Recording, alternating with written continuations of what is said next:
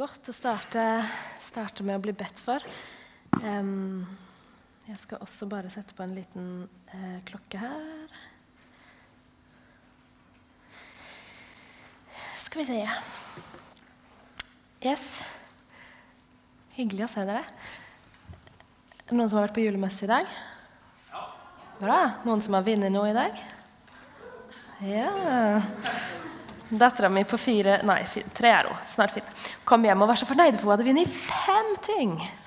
Men hun stakkars venninna som satt ved siden av, hun hadde ikke vunnet noe.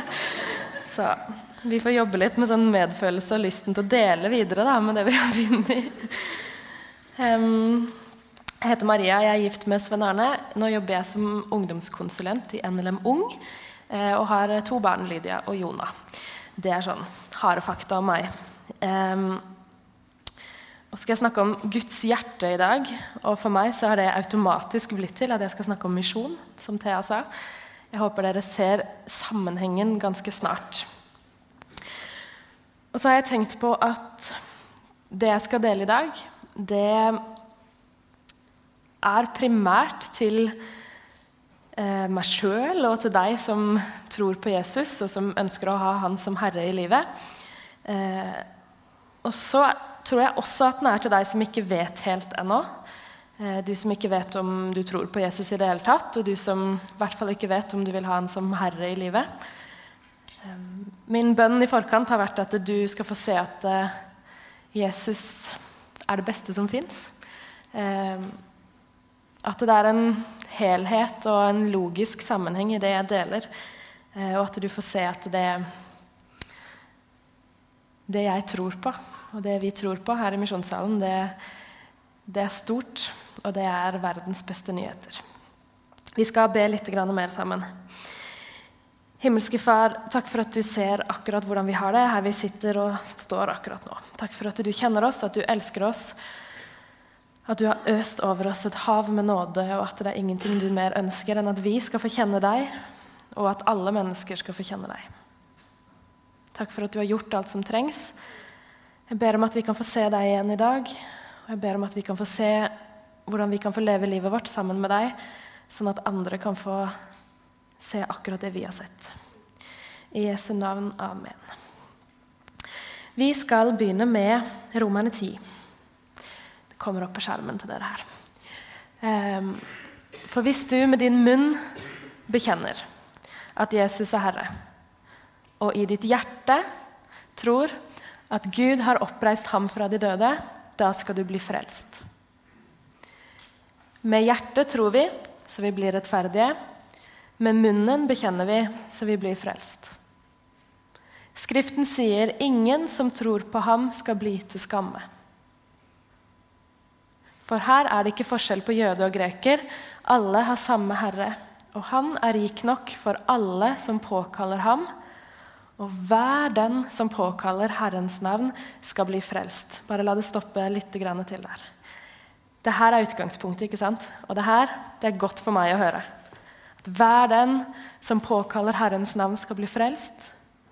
Jeg tror med hjertet mitt, jeg bekjenner med munnen. Neste. Men de som ikke tror, da? Hvordan kan de påkalle en de ikke tror på?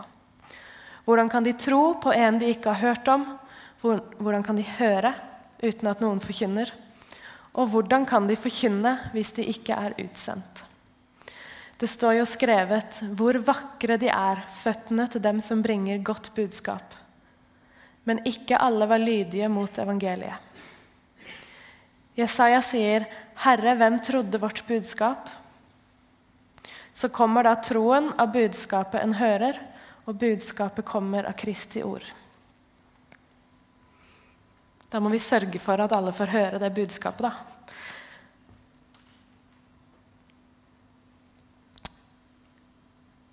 Denne teksten får stå som utgangspunkt for det vi skal snakke om. Vi skal ikke gå mer inn i den.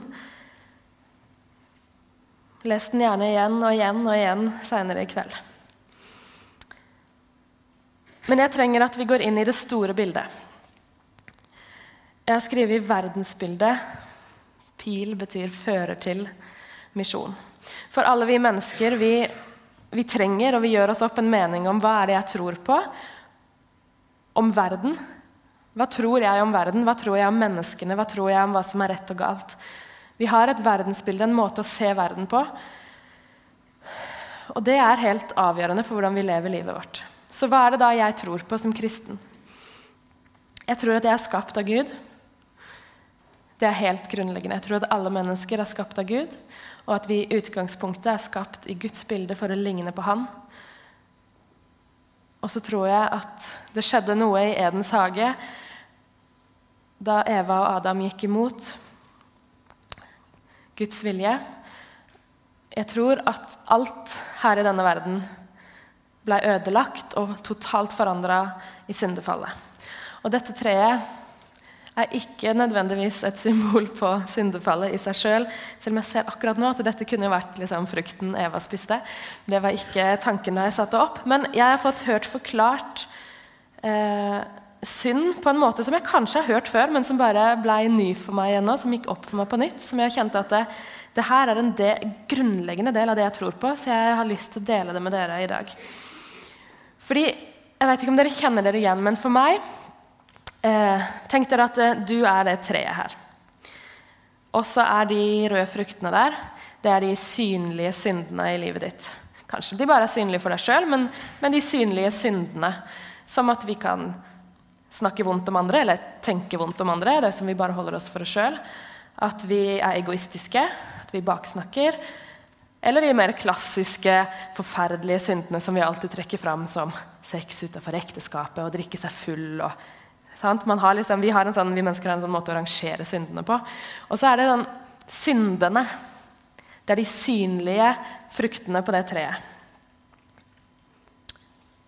Og så er det som jeg tenker at Hvis noen bare rister hardt nok i det treet, så forsvinner de syndene. Men det jeg glemmer å ta med i bildet, det er at da syndefallet kom inn i verden, så står jeg planta med røtter som er så dype at det hjelper ikke hvor mye du rister i det treet. Og det hjelper ikke hvor mye man prøver å skjule de fruktene. For det er ikke fruktene i seg sjøl som er problemet. Det er ikke de synlige tinga i seg sjøl som er problemet. Problemet er at jeg er planta i synd. Og det sier jo noe om hvor grunnleggende ødelagt denne verden er. Hva slags utgangspunkt vi har. Og det er da jeg nesten fikk lyst til å si at så utrolig frigjørende det var å få høre om syndefallet. Fordi da kan jeg få innse at jeg har ikke sjans til å gjøre noe med det. Og grunnen til at det er frigjørende, er at jeg vet jo at løsninga fins. Fordi Jesus er ikke prega av det her syndefallet. Og i Bibelen står det at Jesus har gjort alt som trengs for at jeg ikke skal måtte stå til rette for det. For jeg har en mellommann som heter Jesus. Når Gud ser meg, så ser han Jesus. Og så er det så vanskelig å stå i denne verden som er ødelagt av synd. som Vi mennesker vi klarer ikke å forholde oss til hverandre. Vi klarer ikke å leve godt med oss sjøl, vi klarer ikke å leve godt med hverandre. Alt er ødelagt. Og det er nesten, nesten befriende å høre det. Fordi vi må bare forholde oss til realitetene. Det er sånn det er. Vi er ødelagt. Og så kommer Jesus inn i det, og så vil han gi oss hjelp til å være mindre prega av at vi lever i en ødelagt, syndig verden. Vi trenger å reddes, og det ser jeg når jeg ser de røttene på det treet. For vi klarer ikke å røske oss løs fra det sjøl. Så sa en kollega av meg rett før helga Guds nåde den starta egentlig det Gud sa 'gå ut av Edens hage'. Han kunne endt menneskeheten der. Eva og Adam gjorde opprør, men han ga oss en sjanse. Alt fra da av har vært Guds frelsesplan gjennom israelsfolket. Og som det står gjennom hele Bibelen, så skal alle folkeslag regnes med, som gjør at vi som ikke er jøder, er regna med. Frelsesplanen. Og inn i det her store bildet, da, som er den kristne troa, med syndefall og frelse, så står jeg og tenker ok, jeg tror på Jesus, jeg tror jeg er redda. Hva betyr det, da? En konsekvens av syndefallet er at døden kom inn i verden. Vi er skapt med en fri vilje. Vi kan velge bort Gud. Og Bibelen lærer oss at det fins to utganger. Vi har to valg. Vi kan velge å leve livet sammen med Gud og tro på Jesus. Vi kan velge å leve livet uten Gud. Og det valget vi tar nå, det skal vi stå for i evigheten. En evighet sammen med Gud eller en evighet uten Gud. Fortapelse er en realitet pga. syndefallet. Så alvorlig er det. Og hvis vi klarer å ta det innover oss, da kan vi ikke sitte stille her og holde det for oss sjøl. Vi har jo fått løsninga. Vi har sett Jesus. Vi er frelst. Vi har fått mening med livet, vi har fått håp i livet, vi har fått håp for evigheten. Og så er det jo fordi vi er ødelagt. Vi lever i en ødelagt verden. Vi er syndige mennesker. Det er jo derfor vi holder det for oss sjøl. Fordi vi klarer ikke å se at Folk trenger Jesus. Fordi Guds hjerte for hele verden, han som vil at alle mennesker skal bli frelst, det er ikke vårt hjerte. For vi er grunnleggende forskjellige, fordi Gud er perfekt og hellig, og vi er ødelagt. Men han vil ha med oss å gjøre, og han vil være en del av vårt liv. Og så kjenner jeg på at det, Vi må snakke sant om det, og det er så vanskelig å leve i denne verden. Og så kan vi mennesker vi blir sånn som snur oss mot hverandre, så begynner vi å pirke på hverandre.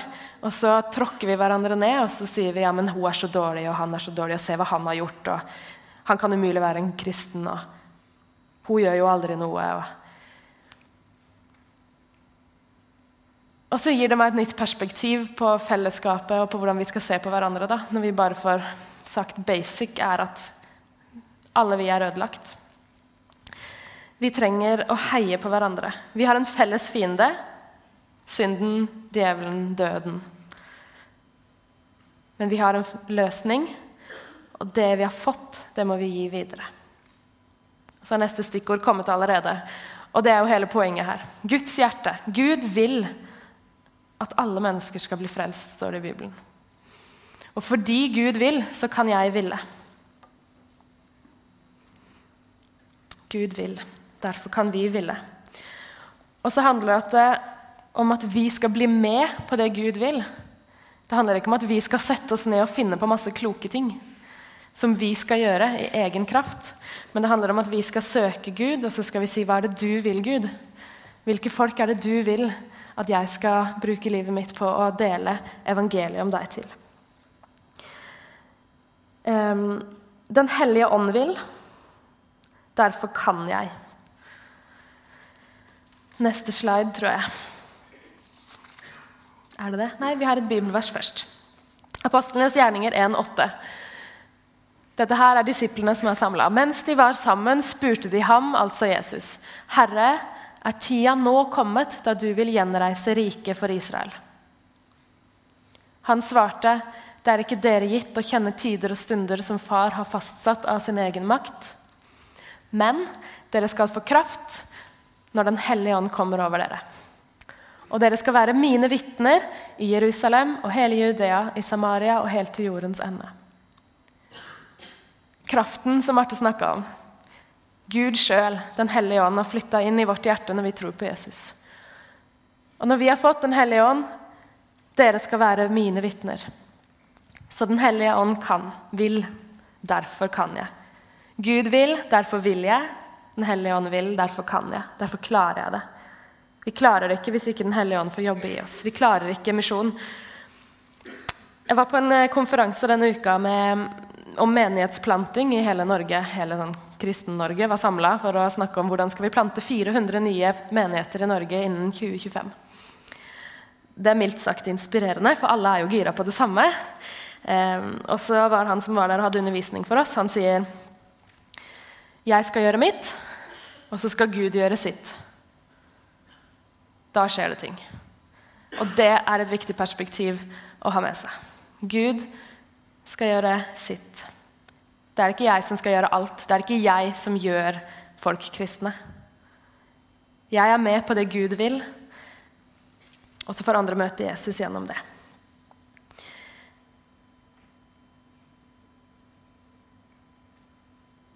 Og så, så, sa han også Se for deg at eh, du planter et korn Eh, du kan gjøre en del av det. Du kan vanne, du kan kanskje passe på at det ikke blir frost i bakken, og at eh, ting ligger til rette for vekst. Men selve veksten, det at et såkorn blir til en plante Det sier seg sjøl at et menneske ikke kan gjøre det.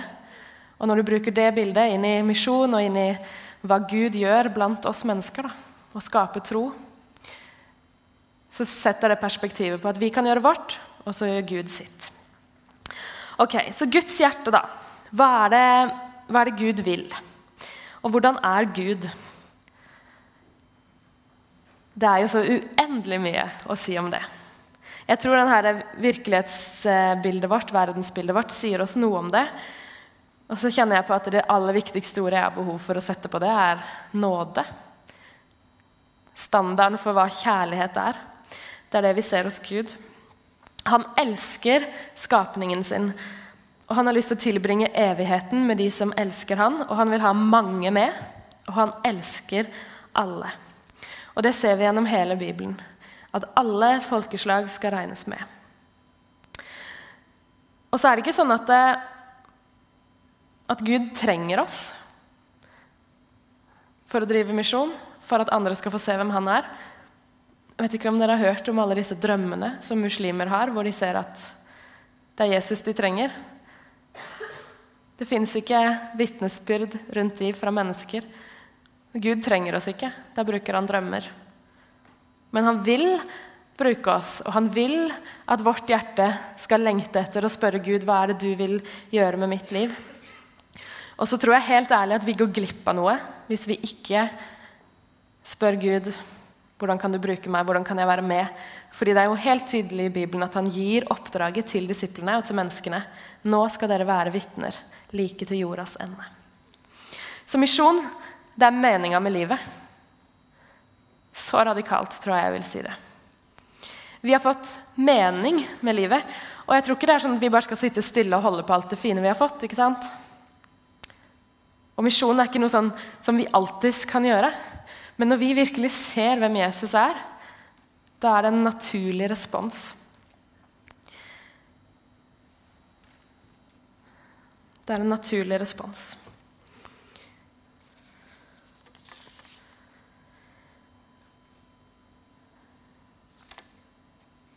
Jeg kjenner på at eh, i 2016 så, så føler jeg at veldig mange ting handler om at andre tror at det å være kristen det handler om å ha de rette meningene. Altså, Å være kristen det handler om å leve perfekte liv og være imot det og det. Eh, skille seg ut på en sånn liksom negativ måte. Og så tenker jeg at den utfordringa må vi ta. Vi må sette det på agendaen at det, det å kjenne Jesus, det, det er noe annet, eller det er ikke bare å snakke om etiske ting. Det er ikke det som kommer i første rekke. Kan vi ta opp spørsmålet med andre, liksom? Jeg har egentlig en utfordring til dere. Hvorfor gi troa di mening for deg? Den blir gitt med jevne mellomrom her i misjonssalen, denne utfordringa. Hvorfor gir troa di på Jesus mening for deg? Jeg tror det er kjempeviktig at du finner svar på det. Fordi jeg tror at du skal gå ut og spørre andre hva tror du på. Jeg tror vi skal få være på offensiven i de relasjonene vi har. Når vi er nysgjerrige på å bli kjent med andre, hva tror du på? Hva er ditt verdensbilde? Er, hvordan får du mening i alt det her? Og Da må du kunne svare på hvorfor gir den troa på Jesus mening for deg.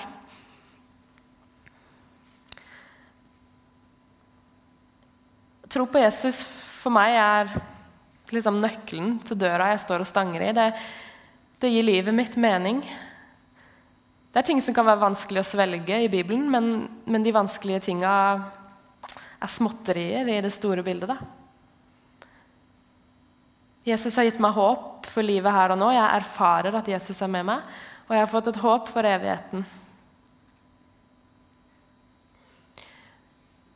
Det blir for vage ord når jeg skal forklare det til noen andre. Men jeg kan kanskje si det sånn til dere akkurat nå. Hvis noen av dere var her på Frontline på misjonskonferanse for eh, tre uker siden, så fikk dere kanskje med dere en sånn panelsamtale på denne scenen, hvor det bl.a. satt ei dame som het Annelise Søvde. Og hun sa en sånn liten bisetning som bare festa seg i meg. Hun sa hvis du, at, hvis du vil at Gud skal bruke deg, hvis du har kommet dit at du bare ok, jeg vil Gud at du skal bruke meg i din tjeneste, så må du si det til han. Si det til han, fordi da blir ansvaret Guds. Hvis du sier 'OK, jeg vil bli brukt', så er det Guds ansvar å si 'OK, da skal jeg lede deg'. Dette her er igjen 'jeg gjør mitt, Gud gjør sitt'. For Gud han kan ikke tvinge deg til noe som du ikke vil i utgangspunktet. Så hvis du ikke vil, sier Gud 'Hvordan kan du bruke meg?' Da er min utfordring til deg å be bønnen 'Gud, kan du La meg ville be den bønnen om at du skal bruke meg. Vi må gå noen skritt på veien her i relasjonen vår med Gud. Jo mer vi ser av Jesus, jo vanskeligere er det å holde det for oss sjøl. Jeg tror det er sånn det er. Jo mer vi ser av Jesus. Og Jesus blir vi kjent med av å høre forkynnelse, av å lese Bibelen, av å lovsynge og be, søke Han. Så misjon det er, ikke, det er ikke noe vi skal starte sjøl, og så skal vi gå og dra et sånn tungt lass så skal vi være kjempeflinke. Misjon det er Guds hjertesak. Og Det er noe han vil ha oss med på, og så legger han ting til rette for oss. Og så utfordrer han oss. Vil du gå i tro? Men så gir han oss også styrken. Og så vil han pushe oss ut av komfortsona til å ta sjanser. Og så spør han oss frykter vi mennesker eller frykter vi Gud. Hvis vi vet at vennene våre, familien vår, går fortapt uten å kjenne Jesus, frykter du mennesker, eller frykter du Gud? En annen utfordring jeg har fått i det siste, er det minste du kan gjøre, er å lære deg navn på de du omgås, og så kan du be for dem. Og Den utfordringa vil jeg gi til dere. Dere har masse folk rundt dere i hverdagen. På skole, på jobb, familie, naboer. Jeg vet ikke hvem du kjenner. Hvis du kan navnet på dem, be for dem. Du gjør din jobb, Gud gjør resten.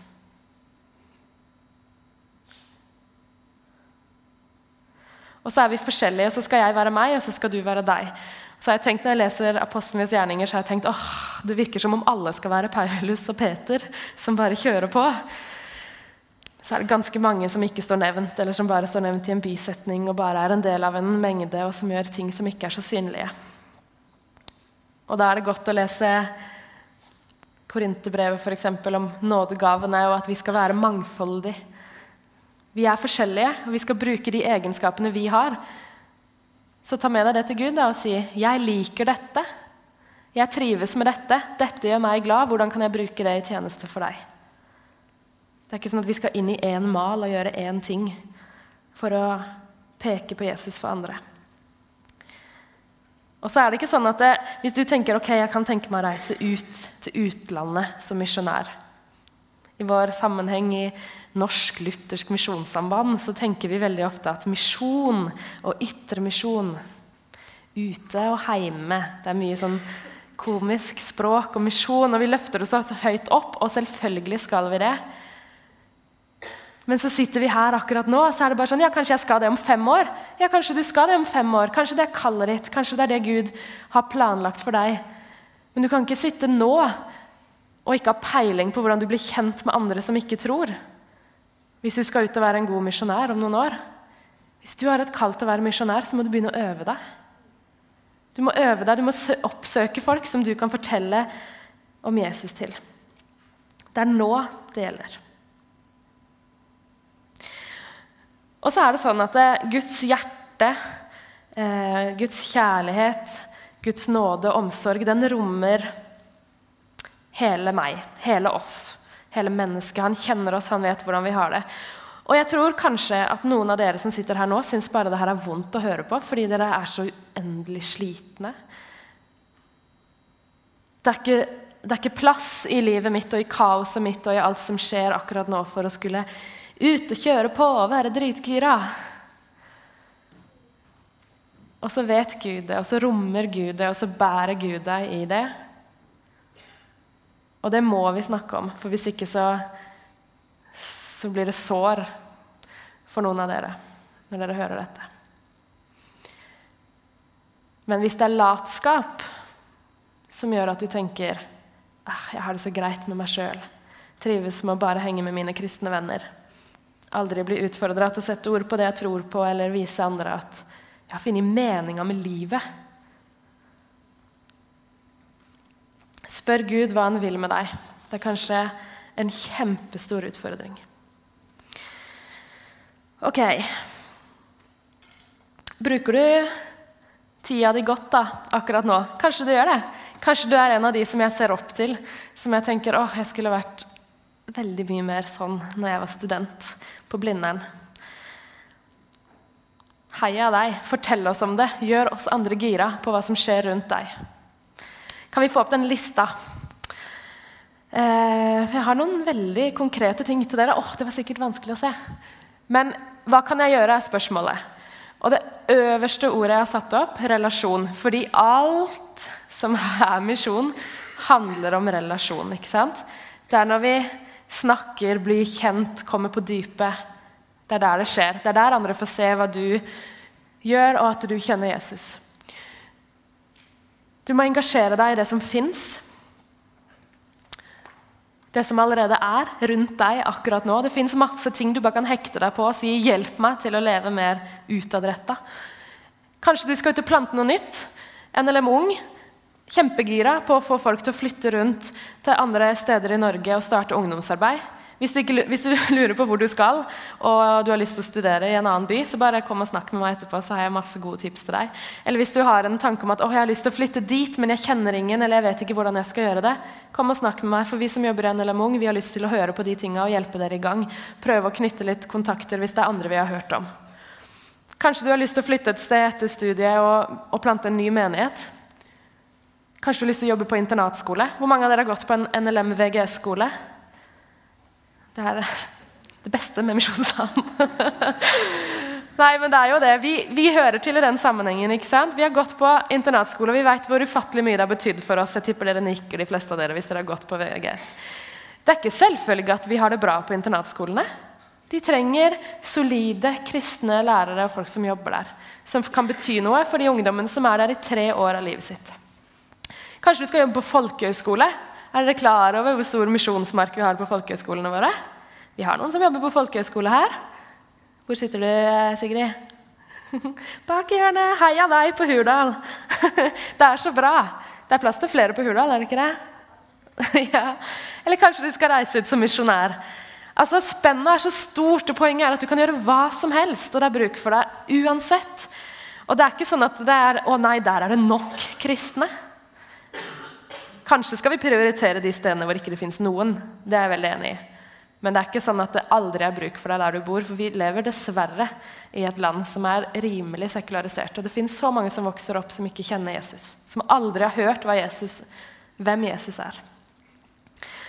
Og så kjenner jeg på at det siste jeg skal si nå, det er at eh, jeg tipper mange av dere nå sitter og tenker ok, hvordan gjelder dette meg i mitt liv? Så ikke la det her bare bli sånn blaff som bare forsvinner idet du begynner å drikke kaffe og prate med noen etter møtet. Legg en plan for deg sjøl. Altså, seriøst, ta opp telefonen nå og skriv til deg sjøl at dette skal jeg tenke på seinere i kveld. Fordi hva skal du gjøre med det du hører her nå? Du må ansvarliggjøre deg sjøl. Hvis du skal i life-gruppe til uka, så skal dere snakke om dette. Du kan snakke med den du sitter ved siden av nå i løpet av lovsangen etter talen. Det er så viktig å sette ord på det. Gå til forbønn. Hvordan kan du forberede deg? Og hvordan kan du gå ut og leve det livet som Gud ønsker for deg? Det beste du kan gjøre, er å leve det med Han i tjeneste for Han. Bruk livet på en meningsfull måte, og ikke vær redd for å ta pause fra studiet et år for å gjøre noe crazy. Altså, Livet er langt. Du skal jobbe resten av livet når du er ferdig med å studere. Det gjør ingenting å ta deg et pauseår. Stikk til Afrika og bli gira på misjon, eller Vær ettåring på en uh, folkehøyskole eller en videregående skole eller hva som helst. Bruk tida di godt, og velg å bli kjent med folk som ikke kjenner Jesus. Jeg tror at djevelens høyeste ønske er at du skal kose deg i kristenbobla. For da blir ikke folk i Oslo kjent med Jesus. Men det gidder vi ikke å høre på, sant? Vi veit at Gud har større planer for oss. Og hva var det siste Jesus sa til disiplene? Det var misjonsbefalinga. Hør på dette her. Det er til deg, der du er i livet akkurat nå. Men de elleve disiplene dro til Galilea, til fjellet der Jesus hadde sagt han ville møte dem. Og da de fikk se ham, falt de ned og tilba ham, men noen tvilte. Hei, folkens. De tilber og tviler. Er det ikke akkurat sånn vi er, vi mennesker? Da trådte Jesus fram til dem og sa, 'Jeg har fått all makt i himmel og på jord.' Gå derfor. Det har ingenting med oss å gjøre og vår svakhet og vårt pågangsmot. Jesus har fått all makt. Gå derfor og gjør alle folkeslag til disipler. Døp dem til Faderens og Sønnens og Den hellige ånds navn, og lær dem å holde alt det jeg har befalt dere. Og se, jeg er med dere alle dager inntil verdens ende. Består verden ennå? Ja. Er vi disipler? Ja. Er Jesus med oss? Ja. Hvordan skal de høre hvis ingen forteller? Den alvorlige teksten til å begynne med. Dette gjelder evigheten, og jeg har sagt at det er Guds ansvar. Men Gud vil bruke oss, og han sier faktisk at det er vårt ansvar å fortelle det videre. Og det er ikke noen plan B. Vi er plan A. Gud har tro på oss syndige, ødelagte mennesker fordi han vet at når han har gitt oss sin kraft i vårt hjerte, da kan vi gjøre hva som helst i Guds navn. Så let's go. Vi skal be til slutt. Kjære himmelske Far, jeg takker deg for at du er så ufattelig stor, og at din nåde og kjærlighet til oss er så stor at den rommer og hele oss. Takk for at ditt hjerte banker for at hele denne verden skal bli kjent med deg. Og takk for at du vil bruke oss, og at du vil ha oss med på laget. Jeg ber deg, Jesus, om at du må høre våre bønner og våre rop etter deg akkurat der vi er nå. Du vet hvor vanskelig vi syns dette er. Jeg ber deg om at du må fortsette å møte oss der, og at du må utfordre oss, og at du må hjelpe oss til å se muligheter der vi er, til hvordan vi kan leve livet vårt til ære for deg. I Jesu navn. Amen.